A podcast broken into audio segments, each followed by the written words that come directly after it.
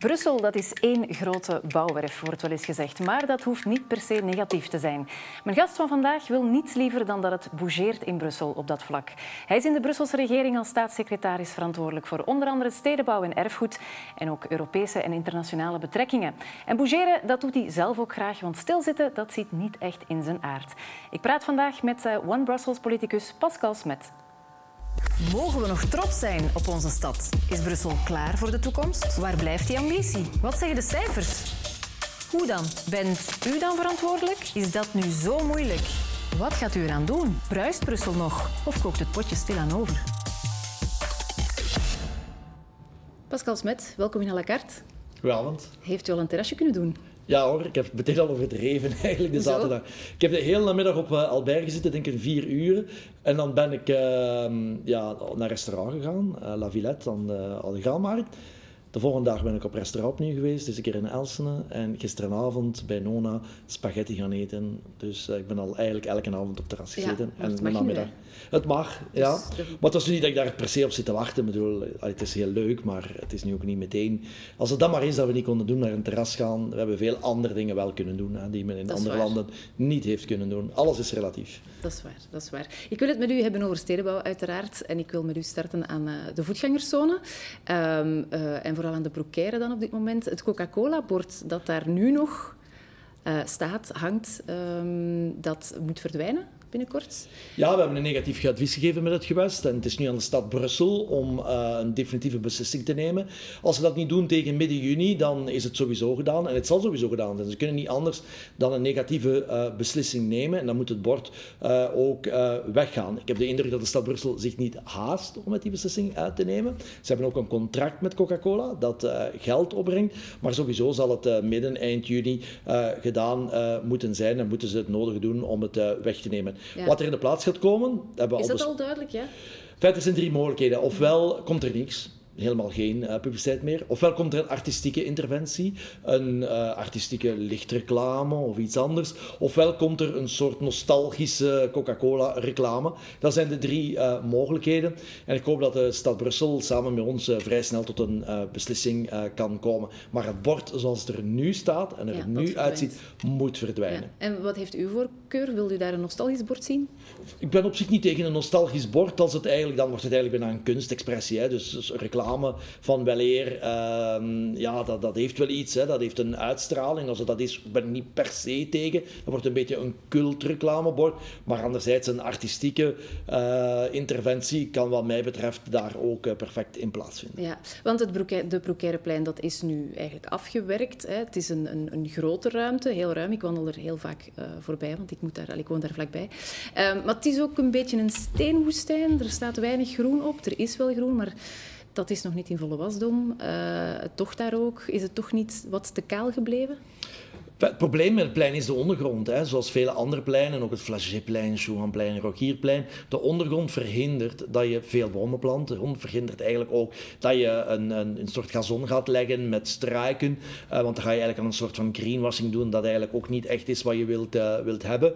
En dus de enige optie, omdat de Senne daaronder gaat, omdat je daar de, de metro hebt die daaronder gaat, is ja dat. En vergeet ook niet dat het eigenlijk be, ja, bepaald was als een evenementenplein ja. waar activiteiten uh, moesten plaatsvinden. Waar corona dan ook wel een stokje voor gestoken heeft. Ja, en persoonlijk vind ik wel dat je daar meer activiteiten moet doen. En eigenlijk zou, een, ja, een, wat het ook oorspronkelijk de bedoeling was, om een echt kunstwerk, hè, een beeldwerk, iets dat het plein vult, uh, mankeert daar wel. Dat is mijn persoonlijke mening. Dat is ook het oorspronkelijke plan uh, om dat te doen. En ik hoop dat de stad Brussel dat ook nog wel opneemt, dat er na verloop van tijd ook een, een kunstwerk komt. Anderzijds kan het ook een evolutief plein zijn. Dat betekent dat het met de tijd uh, evolueert. En ja, weet je, als het warm weer is met de fonteinen, de kinderen spelen er, kinderen nemen het plein ook in. Er is, er is beweging en het mag soms ook wel wat rustiger zijn. Niet elk plein moet hyperdruk zijn. En je ziet ook dat die voetgangerzone verschillende zones heeft. Hè. Het, het, het stuk eigenlijk um, tussen de, de ingang en het stuk tot uh, de beurs is eigenlijk het stuk dat het meest druk is. Dat soms bijna overdruk is en dan waait het wat uit en wordt het wat rustiger. En op zich is dat ook niet een probleem, vind ik. Ja, ik pleit niet voor een winterpret vlak aan mijn deur Maar um, de, u bent volop bezig ook um, met de nieuwe gewestelijke stedenbouwkundige verordening, kortweg GSV, of Good Living, zoals uh, u dat noemt, om Brussel future-proof te maken. Maar wat, wat is dat voor u future-proof? Weet je, COVID heeft eigenlijk een aantal tendensen die bezig waren in de stad versterkt, duidelijker gemaakt en onomkeerbaar gemaakt.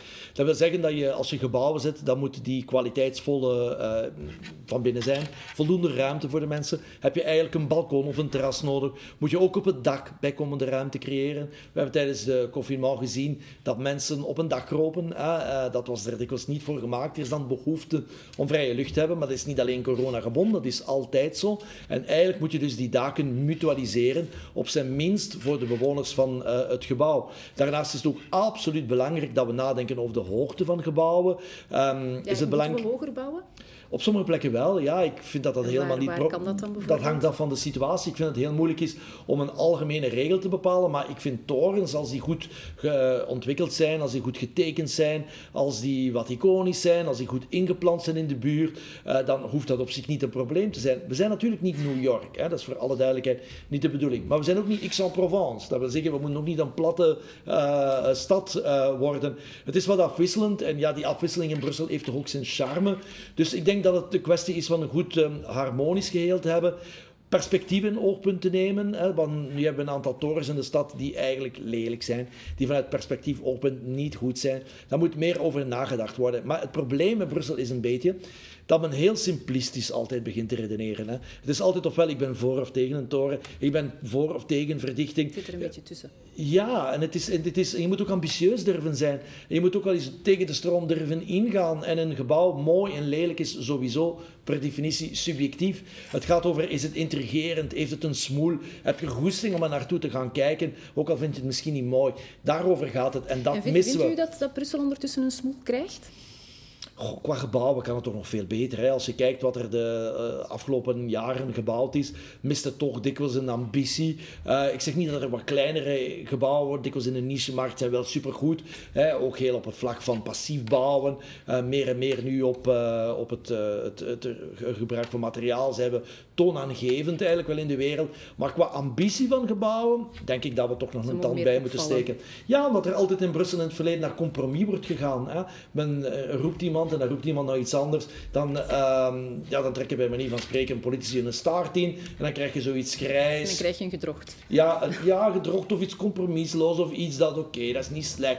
Maar dat is niet waar je behoefte hebt om je vrienden die uit het buitenland komen om te tonen. En ik merk toch ook wel met mijn patrimoniumbevoegdheid dat Brusselaars behoefte hebben om fier te zijn op Brussel. En dat ze echt ja, mee die stad een, een smoel willen geven, vier willen zijn, gebouwen willen tonen, openbare ruimte willen tonen. Daar hebben we wel een omslag gemaakt. Met openbare ruimte, daar kan je niet omheen. Met die pleinen autovrij maken, met de straten versmalen, fietspaden aanleggen.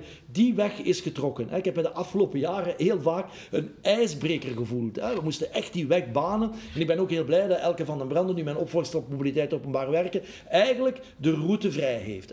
Het schip kan gemakkelijk dat varen. om een ijsbreker te zijn? Uh, dat is veel klop krijgen, dat is uh, tegen de stroom ingaan, dat is uh, veel verwijten krijgen. Maar je weet, als je tegen de stroom inzwemt, krijg je sterke spieren. En dus dat wil ik nu een beetje hetzelfde doen met uh, die gebouwen. En vandaar dat ik ook vind dat we dat instrument van die gewestelijke stedenbouwkundige verordening, of de RRU, dat we dat future-proof moeten maken. We hebben dat met Good Move gedaan. We hebben alles vastgelegd in Good Move. Nu wil ik hetzelfde doen met Good Living, maar meer dan Good Move, want dat is op zich niet een reglementair gegeven.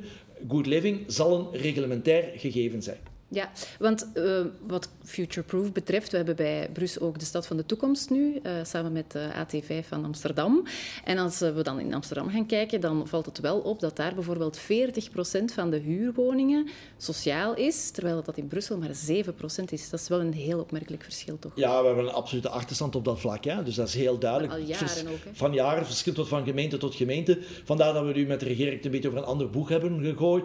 Dat betekent dat we ook met privé kunnen samenwerken om uh, te kopen, meer bouwen. Het probleem in Brussel is dat alles hier ontzettend traag gaat. Zowel de bouw van sociale woningen, maar ook de aanleg of bruggen leggen. Alles gaat hier ontzettend traag. Ook al zit je erachter, duwt je. En dat moet toch ja, dat moet veranderen. Die structuren moeten veranderen. En dat is ook een van de redenen waarom ik dan die COBAT ook wel wil evalueren. Hè. Dat is eigenlijk de wet, los van de verordening, om dingen sneller te laten gaan, vergunningen sneller te laten afleveren. Maar vooral ook mensen in het begin van een project betrekken.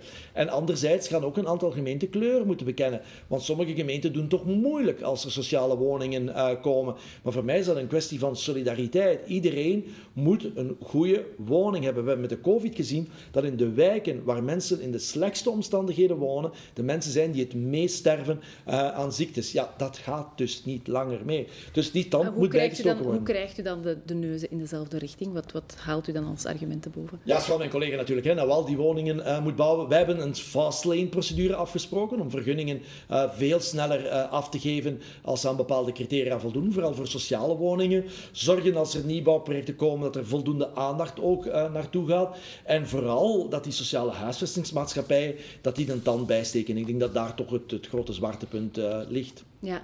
Wat is eigenlijk uw favoriete stad buiten Brussel? Ik vind het heel moeilijk om één stad uh, te, te, te, te, zeggen.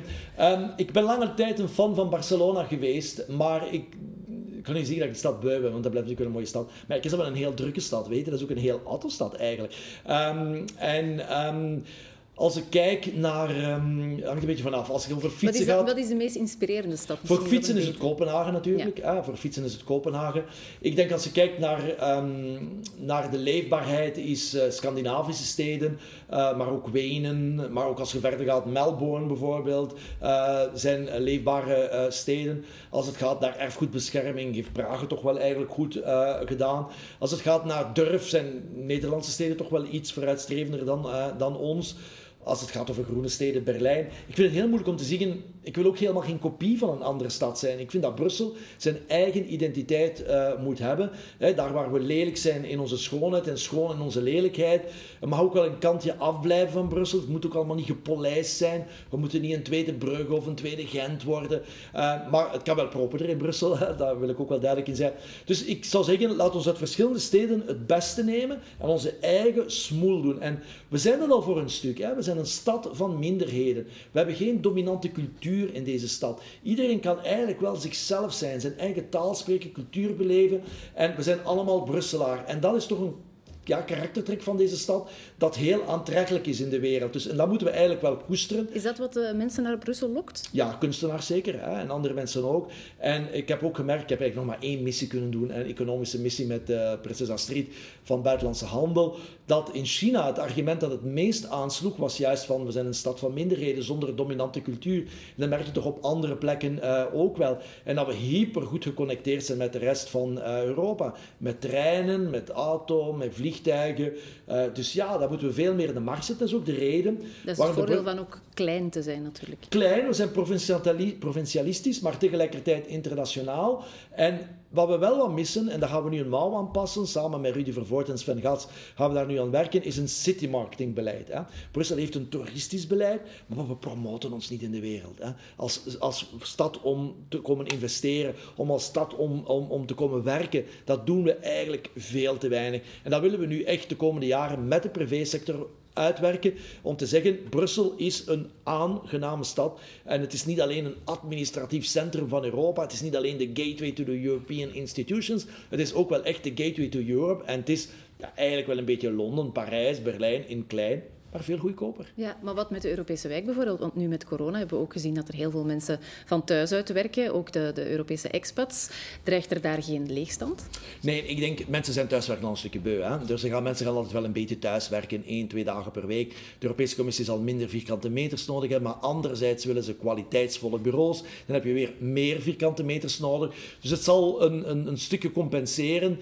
Um, ik denk de Europese wijk, net zoals de Noordwijk, moeten gemengde wijken worden. Dat wil zeggen dat je alle functies uh, hebt, moeten ook vergroenen als persoons. Hè. Met de stad Brussel is bezig met een, een groen plan om veel meer bomen onder andere uh, daarin te krijgen. Dat is een goede uh, zaak, denk ik. Dat is ook future-proof. Ja, future-proof. En we moeten die openbare ruimte ook veel beter aanleggen. We moeten echt uh, de nieuwbouw of de grondige verbouwing van het Europees Parlement, uh, die eraan zit te komen, moeten we gebruiken om te connecteren met Elsne, met de stad Brussel.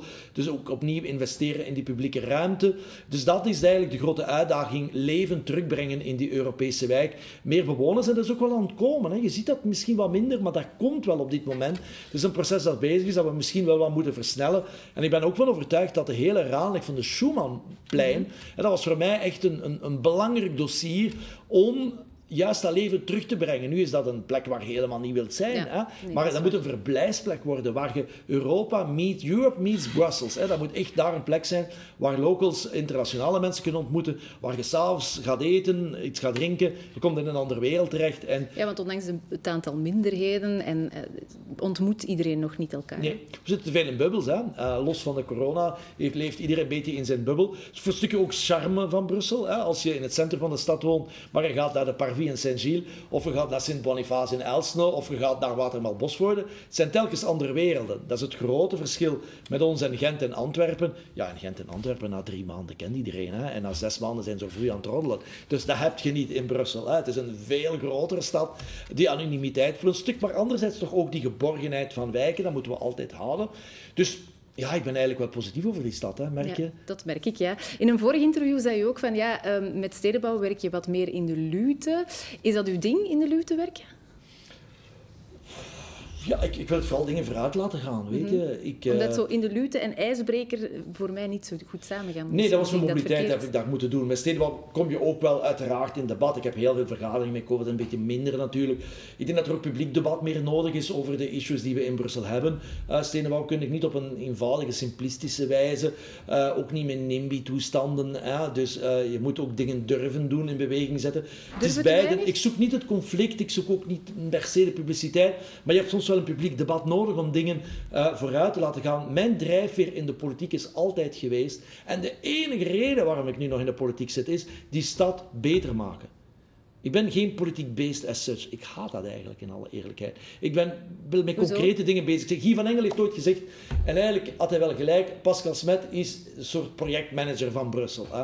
Die wil projecten in Brussel realiseren in het kader van een globale visie. Die heeft een visie, die heeft projecten en die wil dat uh, realiseren. Wel, ik denk dat Guy dat eigenlijk goed heeft begrepen. Dat was een mooi compliment voor u. Dat was een mooi compliment uh, voor mij, ja. ja. En komt er nog een mandaat bij hierna? Oeh, dat hebben we nog een jaar te gaan. Ik weet het niet, dat, dat weet ik niet. Ik ben daar op dit moment ook niet mee bezig. Ik denk dat je niet moet bezig zijn wat gebeurt. Ik ben nu al een hele tijd bezig in Brussel. Ik heb altijd het gevoel gehad, ja, als ik het verschil niet kan maken, dan moet je stoppen. Maar op een bepaald moment moet je dingen ook, ja, moet je ook dingen durven lossen. Maar dat is niet een issue dat mij niet op dit moment uh, bezig gaat. Ik wil niet zeggen ja, ik wil niet zeggen nee. Wat ik nu wil doen, is de komende drie jaar me nog keihard voor Brussel inzetten in samenwerking met collega's, in samenwerking met Elke van den Branden. Ik lever uiteindelijk alle vergunningen af, dus we moeten samenwerken. Uh, ook met Rudy Vervoort verstaan we elkaar zeer goed nu uh, om op die manier die stad vorm te geven. Ook met, zoals ik al gezegd, Hans Persoons, Philippe Kloos in de stad Brussel, Sven Gats in de regering, anderen. Alain Maron, Alain Maron wil ik ook dingen samen doen. Voor mij is het een kwestie nu om samen dingen te realiseren, om Brussel op de spoed te hebben. Ik heb niet meer per se nodig om een naam te maken, om die te bestaan, weet je. Ik denk dat ik al gedaan heb. Wat ik nu wil doen is het leven van die Brusselaars verbeteren. Dat is mijn drijfveer. En al die politieke cinema er rond, dat interesseert me niet meer. Ik, I have been there, ik heb dat gezien, ik heb dat gedaan. Um, en dat is niet mijn drijfveer. Mijn drijfveer is, hoe kan ik concrete projecten realiseren om het dagelijkse leven van die Brusselaar te verbeteren? Daarover gaat het voor mij. Ja, good living. Absoluut, good living. Ja. Dank, je wel, dank je wel, Pascal Smet. Is het al voorbij? Het is al voorbij, toch wel. En bedankt ook voor het kijken thuis. Nog een hele fijne avond.